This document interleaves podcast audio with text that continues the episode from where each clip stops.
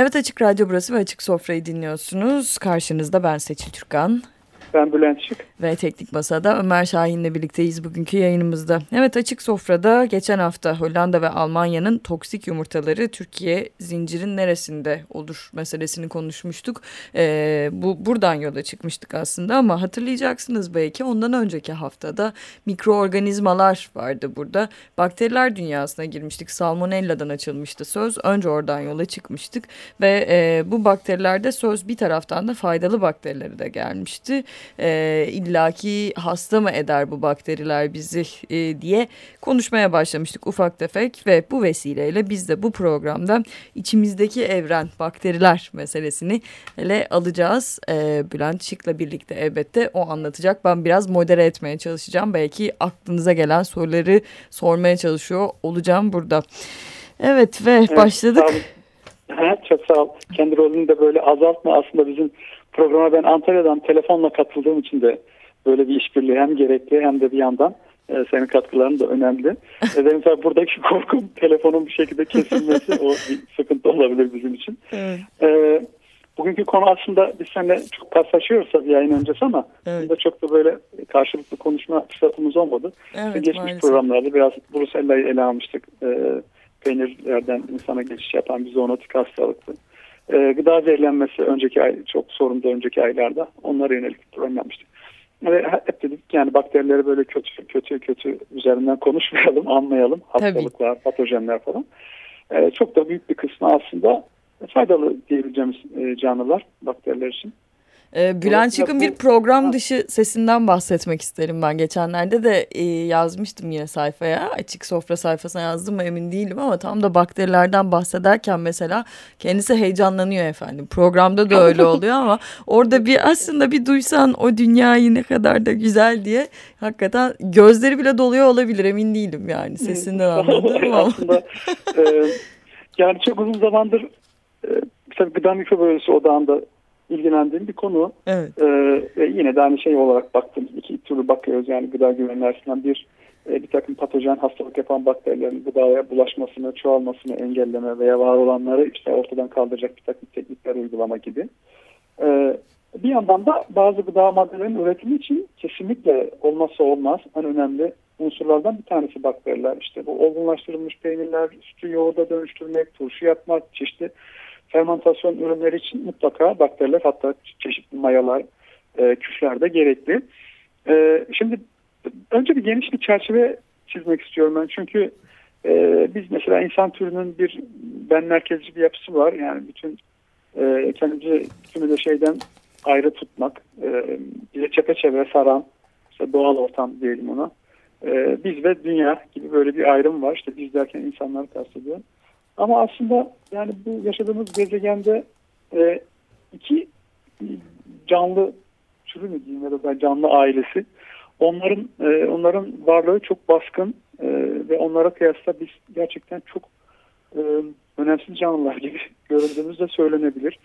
E, bir tanesi mikroorganizmalar e, yani yeryüzünün e, tarihi, dünyanın tarihi yaklaşık işte 4,5 milyon milyar yıllık bir e, geçmişi var e, güneş sistemiyle birlikte oluşmuş bir gezegenden söz ediyoruz dünya deyince. Evet. E, hayatın ortaya çıkışı oldukça e, kısa sürede aslında yani ondan sonraki bir yıl yeryüzünün oluşumundan sonraki bir yıl şey pardon özür dilerim bir milyar yıl e, sonrasında e, ilk mikroorganizmaların açığa çıktığını görüyoruz, ortaya çıktığını görüyoruz. E, yani bu, bu bakış açısından baktığımızda yeryüzündeki e, mikroorganizma topluluğu yaklaşık olarak 3,5 milyar yıldır bu gezegende var. Çok çok eskiler yani bu gezegenin belki asli sahipleri olarak nitelemek bile mümkün.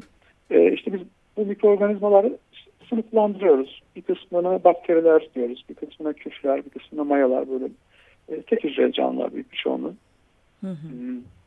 E, bu konuda e, yapılmış çok enteresan çalışmalar var. Yani bu yaşadığımız gezegene bir bakteri gezegeni, mikroorganizma gezegeni, bir büyük mikroorganizma kolonisi olarak adlandıran e, e, çok sayıda e, bilim insanı var ve işin aslı biraz mevzuya hakim oldukça ya da konuyu anlamaya başladıkça bir parça bu konuda yazılmış çizilmiş şeyler okudukça e, aynı duygu sizde de oluşuyor.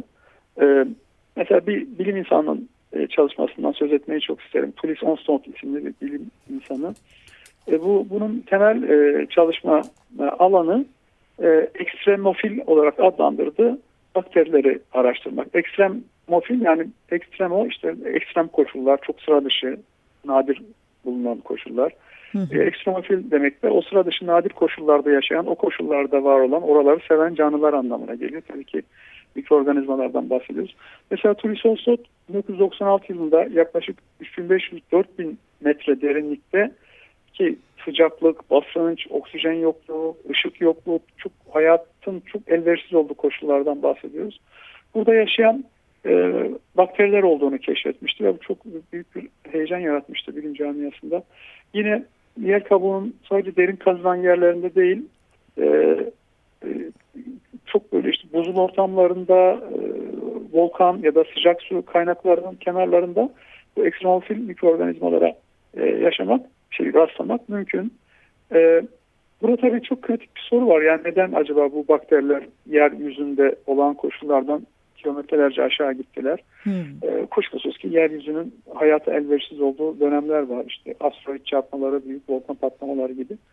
Böyle durumlarda da e, e, sığınacak yer neresiyse aynı insanlar gibi hayatı tehdit altından girdiğinde nereye gitmek uygunsa ya da elverişli olan yer neresiyse bu bakterilerin de oraya gittiğini söylemek mümkün.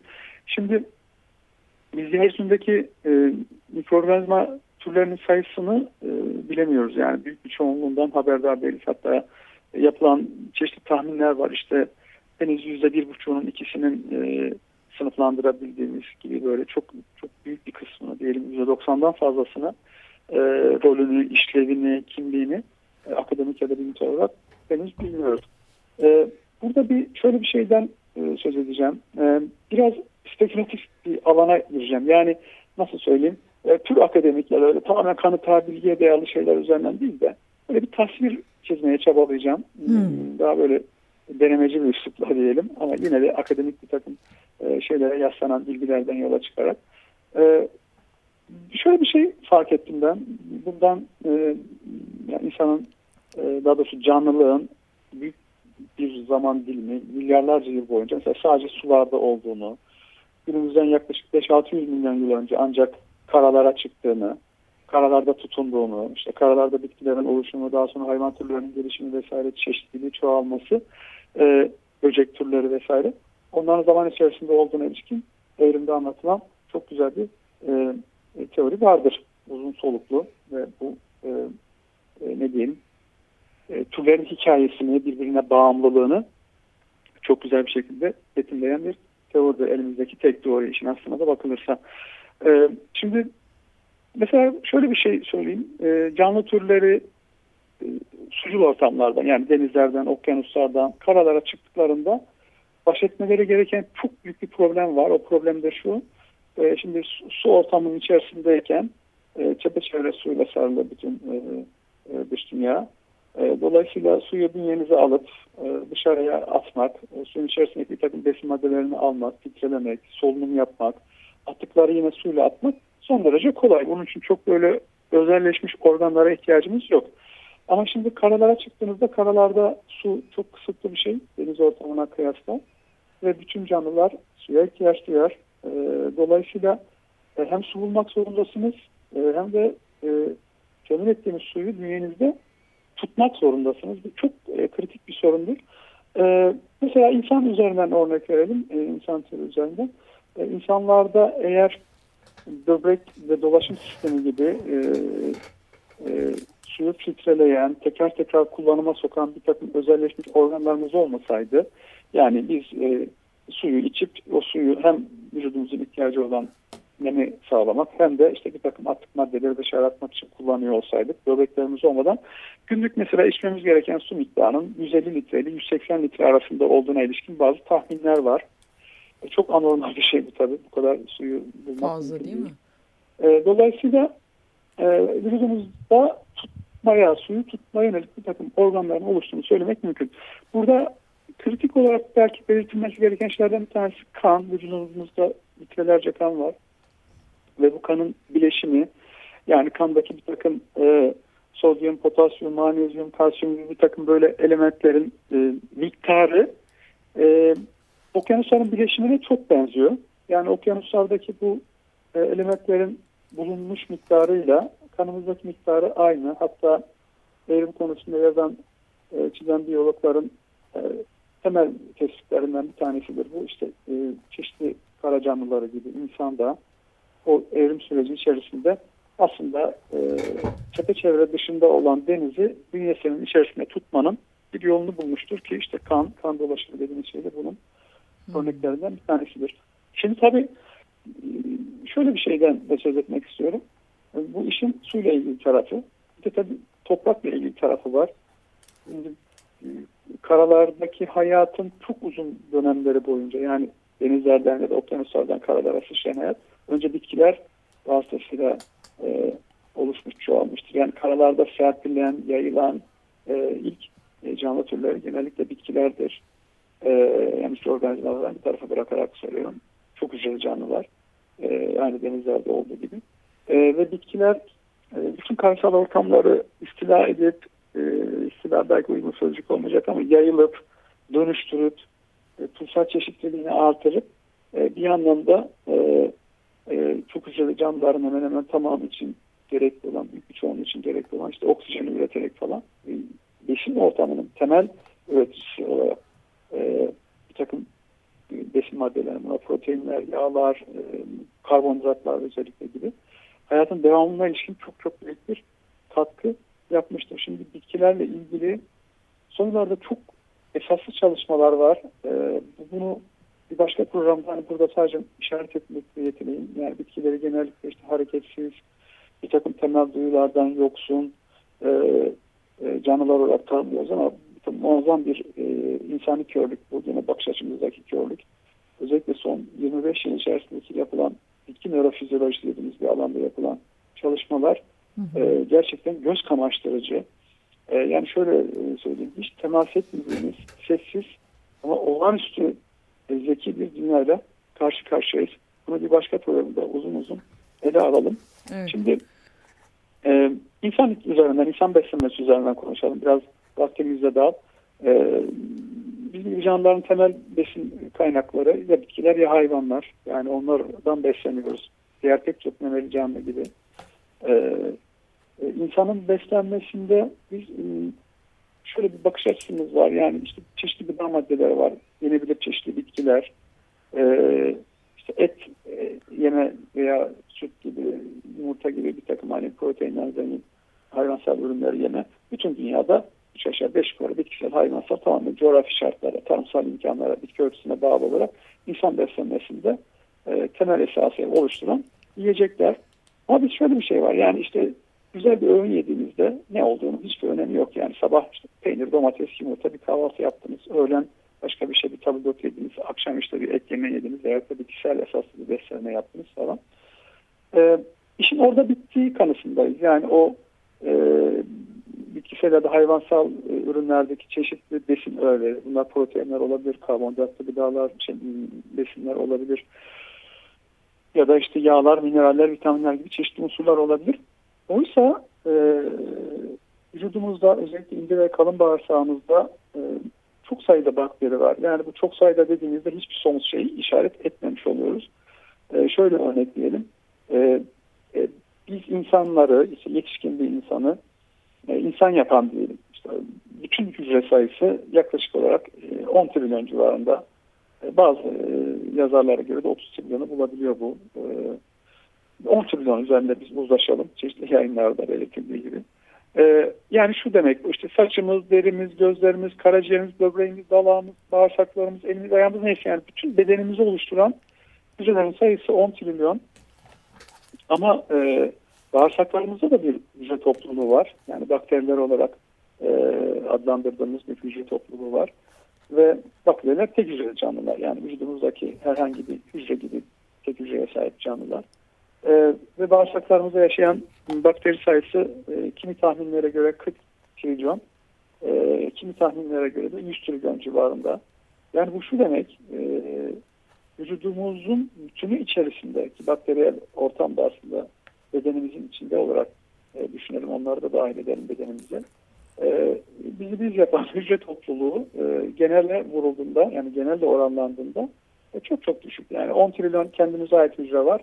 E, onun 10 katı e, fazla Bakteri bakterilere ait hücre var. Dolayısıyla mesela şöyle bir bakış açısı, ekolojik bir bakış açısından baktığınızda e, vücudumuz aslında binlerce belki bakterinin ki sayısının türünün daha doğrusu özür dilerim.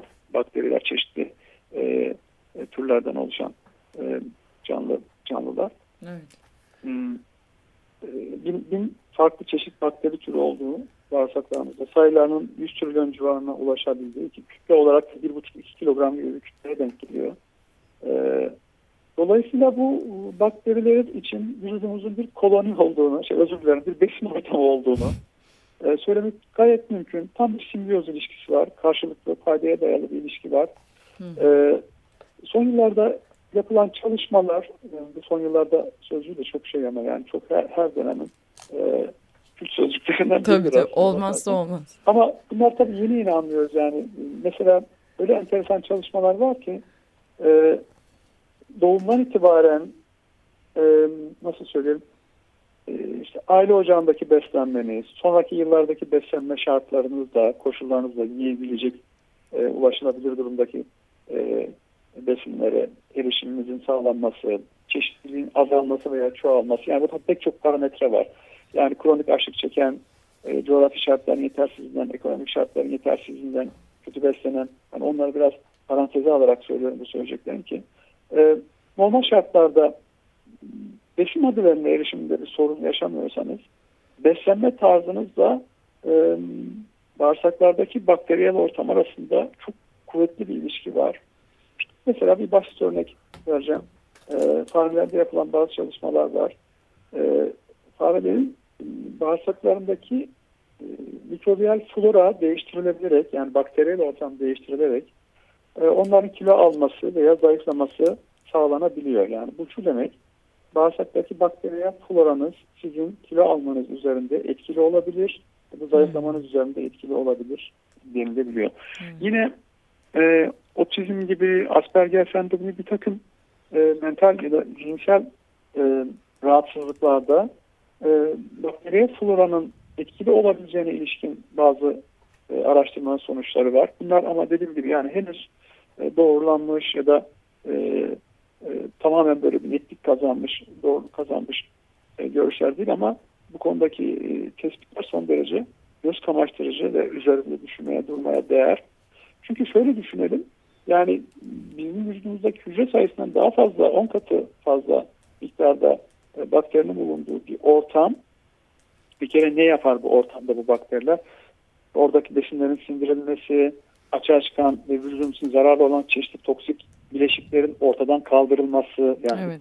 bir anlamda çok atık diye niteleyebileceğiniz zehirli kimyasalların yok edilmesi, işlevsizleştirilmesi da başka zararsız formlara dönüştürülmesi, B vitamini grupları, şey, B vitaminleri, K vitamini gibi bir takım vitaminlerin sentezi, e, bu konularda son derece önemli rolleri var. Mesela e, bazı bakteriler karbonhidratları çok seviyor. Dolayısıyla siz şekerli ürünleri çok e, tükettiğinizde o bağırsakta yaşayan bakteri türlerinin içerisinde karbonhidrattan beslenen bakterileri çoğaltmış oluyorsunuz. Burada mesela bazı nörofizyolojik çalışmalar var. Çok enteresan sonuçları var. Ee, biz mesela işte görme, işitme, bir takım hani e, du, duyu organlarımızda işte kulak, göz gibi duyu organlarımızda beyin arasında doğrudan bir sinirsel bağlantı vardır. Yani göz beyin arasında bir e, sinir yolu vardır. İşte kulakla yine beyin arasında bir sinir yolu vardır. Gibi. Ama e, mesela önemli bir sinir yollarından bir tanesi doğrudan beyine bağlı. Bağırsaklarımızla beyin arasındaki sinir yolu. Vagus sinir dediğimiz bir çok karmaşık ve çok zengin bir sinir yoluyla e, iletişim içerisinde. Hmm. E, ve burası çok speküle gene ama hani e, kayda değer ben ve açıkçası e, gelişmeye, üzerinde çalışmaya çok açık bir alan olarak görüyorum ki epeyce bir çalışma var zaten literatürde. E, mesela buradaki bakterilerin bizim aslında e, bir şeyi arzulamamızı ya da böyle m, doygunluk hissi, mutluluk hissi, hoşnutluk hissi e, olarak e, sonuçlanan bazı kimyasal maddelerin e, salgılanmasını sağlayan yönleri var. Mesela e, beynimizde bir bölge var. E, e, o bölgeyi e, işte neşe, haz merkezi olarak niteleniyor tıbbi olarak. E, tür düğme gibi düşünebiliriz o bölgeyi. O düğmeye mesela dopamin dediğimiz bir kimyasal madde e, salgılandığında o düğmeye basma işleri görüyor dopamin. Ve siz bir mutluluk hissi duyuyorsunuz. Yani şöyle bir şey belki basitleştirme olacak. Çok açlık, açlık çekiyorsunuz ve güzel bir yemek yediğinizdeki rahatlama, haz duygusu mesela tamamen dopamin salgılanması ile ilgili. Hmm. İşte tıbbi çalışmalar bu dopamin dediğimiz hani tür mutluluk e, uyaranı diyelim ona. E, bu kimyasal maddenin yaklaşık yarısının bağırsaklarda salgılandığını gösteriyor ki bunu salgılayan da mikroorganizmalar. E, bazı ilginç çalışmalar var. Yani e, şöyle bir durumdan söz etmek mümkün belki. Yani acaba biz bir yiyeceği istediğimizde şekerli gıdalara karşı bir afinite yani böyle bir e, arzu duyduğumuzda e, bunu gerçekten biz e, irade olarak mı yapıyoruz yoksa içimizdeki bakteriler bize bir şeyleri hmm, ne diyelim arzulatıyor mu? Bununla ilgili e, çeşitli çalışmalar var. Bu konuda da aslında iyi yazılmış ve popüler bir kitabı var. E, o kitaptan da programda söz edelim. Hem de burada e, kısaca aktardığımız bilgilerin çoğunu e, orada bulmak mümkün. E, Doktor Serkan Kara İsmailoğlu'nun Beyinde ararken bağırsakta buldum diye elma yayınlarından yayınlanmış bir popüler bilim kitabı var. Çok Beyinde ararken bağırsakta buldum. Evet yani akademik bir kitap. E, daha doğrusu akademik bilgiler üzerinden yazılmış bir kitap. Hoş hmm. bir kitap. E, ülkemizde popüler bilim kitapları e, oldukça az yayınlanan telif kitap. Hani çevirisi çoktur da e, telif kitap ama bu gerçekten okudum. Şahane bir kitap. Yazılmış, iyi anlatılmış bu konu. Hmm. E, yine bir örnek üzerinden konuşalım. Bu e, vücudumuzdaki mikroorganizmalar, bakterilerle e, beslenme, arzularımız, genel sağlık durumumuz arasındaki ilişkilere işaret eden bir çalışma. E, vücudumuzdaki bakterileri besleyecek, onların işte faydalı olarak nitelediklerimizi çoğaltacak veya hayatlarını kolaylaştıracak bir beslenme modeli önemli. Peki bu beslenme modeli ne olacak? Çok basitçe şöyle söyleyeyim yani olabildiği kadar çeşitli bir e, gıda ve beslenme tarzı çeşitlilik içeren bir beslenme tarzı e, çok önemli. İşte meyveler, sebzeler, e, fermentasyon ürünleri, et, süt, yumurta yani hayvansal, bitkisel, yenilebilir olan gıda eğer bir hastalık durumunuz yoksa bir engel, bir alerji vesaire. Hı hı. Bu çeşitlilik içeren beslenme tarzı e, mikroorganizmaların e, çeşitliliğini korumak için çok önemli. Bakın şöyle bir çalışma var, pek çok çalışma var da bir tane şimdi örnek vereceğim. Mesela obezite, kilo alma sorunu e, şüphesiz hani beslenme ile çok ilintili. E, hani hareketsizlik falan diyorlar ama hareketsizlik çok e, sonlarda sıralanması gereken bir etken e, hmm. kilo alımında ya da şişmanlıkta. E, obez insanlar, aşırı kilolu insanlar üzerinde yapılan çalışmalar var. Bağırsak florasındaki bakterilerin türlerinin yani çeşitlilik içeren bir bağırsak florasının çok az olduğu tespit edilmiş bu insanlarda. Bu şu demek, e, tek yanlı beslenme ya da belli gıdaları aşırı yeme yani mesela karbonhidratlardan aşırı beslenme gibi hmm. lifli gıdaları meyve sebze gibi e, çeşitli besin öğelerini içeren gıdaları az tüketmek gibi bir beslenme tarzı bağırsak florasındaki o binden fazla bakterinin sayısını çok aza indiriyor. Şimdi bu şu demek yani sayı azal, azalıyor derken e, şöyle düşünelim. E, çeşitlilikteki sayı azalıyor. Yani yine 40 trilyon 100 trilyon bakteri var da mesela 3-5 tane ya da 10 tane 20 tane bakteri bağırsak florasında egemen oluyor. Ve bunlar diyelim ki karbonhidratlı gıdaları çok e, seviyorlar. Siz karbonhidratlı gıdaları, şekerli gıdaları yedikçe bu bakterilerin çoğaltmış oluyorsunuz yine. Hayatlarını garantilemiş oluyorsunuz. Onların bu beslenme sonucunda oluşturdukları ve beynimizdeki haz merkezinde veren çeşitli kimyasal maddeler hem sizin o mutluluk dediğiniz durumun ya da haz durumunun devamını sağlıyor. E, bir yandan da o bakterilerin varlığını e, garantilemek için olmasa da sevdiğiniz yiyecekleri, diyelim şekerli karbonhidrat yiyecekleri daha çok yiyorsunuz. Şimdi bunlar tabii e, epey tartışma konusu görüşler bir yandan da hani gerçekten durum bu mu? İnsan tamamen bir otomat değil nihayetinde. Yani irademiz var, bir takım şeylerden vazgeçebiliyoruz falan. Ama e, bu aradaki ilişki kuvvetli bir ilişki ve dikkate değer bir ilişki. E, yine mesela yüksek kilolu, aşırı kilolu insanlarda bakteriyel florayı düzelten bir gıda rejimi yani oradaki e, az sayıda bakteri türünü çeşitliliği azalmış ortamdaki bakterilerin çeşidini artırma e, ya yönelik bir gıda rejimi çok hızlı kilo vermeyle sonuçlanıyor. Mesela bu araştırılmış. Hı hı. Çünkü oradaki öyle bakteri türleri var ki yağlardan besleniyor. Veya Dolayısıyla e, artıyor. Ki, tabii e, bir takım hmm, mesela şekerli ürünlerin e, bağırsak duvarından emilimini zorlaştırıyor oradaki bakteriler. Dolayısıyla e, bu hani simbiyoz ilişkisi çok kritik. E, bunu dikkate almak önemli. E, peki nasıl bir şey yapacağız? Yani biz hani somut olarak e, neler yapabiliriz? Burada iki tane. Son bir dakikamız filan belki bu arada. Son bir dakika tamam. Evet. O zaman iki şeye dikkat etmemiz lazım. Bir e, faydalı bakterileri çoğaltacağız. Yani bu yediğimiz içtiğimiz e, sindirim sistemindeki gıdaları e, e, işleyen bakterileri. Peki bunları hangi besinlerle beslersek yani çeşitlilik içeren bir beslenme rejimi dediğimizde aklıma da ne geliyor? Mesela e, her türlü sebze, pırasa, yer elması, bamya, işte kuşkonmaz, kereviz, domates, soğan, samsak vesaire vesaire. Hmm. Kuru baklagiller çok önemli. Fasulye, mercimek, bezelye, nohut gibi. Yine e, tam tahıl ürünleri yani e, kepe ayrılmamış e, buğdaydan yapılan e, çeşitli ürünler, hmm. mamuller. Yağlı tohumlar, ceviz, badem, fındık, fıstık, keten tohumu gibi e, yağlar. Yine çeşitli meyveler, akla gelecek her türlü renkli meyveler. Öyle Bu bakterilerin çeşitliliğini sağlaması için son derece önemli biz müzik e, e, koyarız dedik ama herhalde vaktimiz kalmadı. Evet maalesef kalmadı yine. Yani e, mesele çok uzun bir mesele. Bir taraftan da işte çeşitlilik deyince maalesef üstüne hızla geçmek zorunda kalıyoruz. Yoksa çok da sorun var belki şeyde. Yani herhangi bir doktorun ben bağırsak florasına baktığını görmedim örneğin şimdiye kadar. E, ya da böyle bir şeyden bahsettiğini bile dahiliye doktorlarının mesela. E, o zaman ya. hemen şu, şunu söyleyerek programı kapatalım. E, bağırsak florası çok bozulmuş insanlarda yani sindirim sistemi zorlukları çeken insanlarda e, bir başka insandan e, alınmış sağlıklı yani patojen hastalık içermeyen bir dışkının o insana transferi bile şu an bir tıbbi tedavi olarak uygulanıyor. Wow. Biraz sevimsiz bir konu gibi görünüyor ama yani bunun nasıl olduğunu dinleyiciler internetten baksınlar değil mi? O zaman. Evet belki önümüzdeki haftalarda yine konuşma imkanımız olur. Çok teşekkür ederiz. Mecburen bitirmek zorunda kaldık bu meseleyi. Evet. Ama içimizdeki, evet içimizdeki dünya bakteriler genel haliyle buradaydı. Eğer kaçırdıysanız ya da tekrar dinlemek isterseniz podcast kanallarımıza yönlendireceğiz sizi. Açıkradyo.com.tr'de ben Seçil Türkan. Ben Bülent Şık. Teknik Masa'da Ömer Şahin'le birlikteydik bugünkü yayınımızda. Haftaya tekrar burada olacak açık, so sofra. Şimdilik hoşçakalın.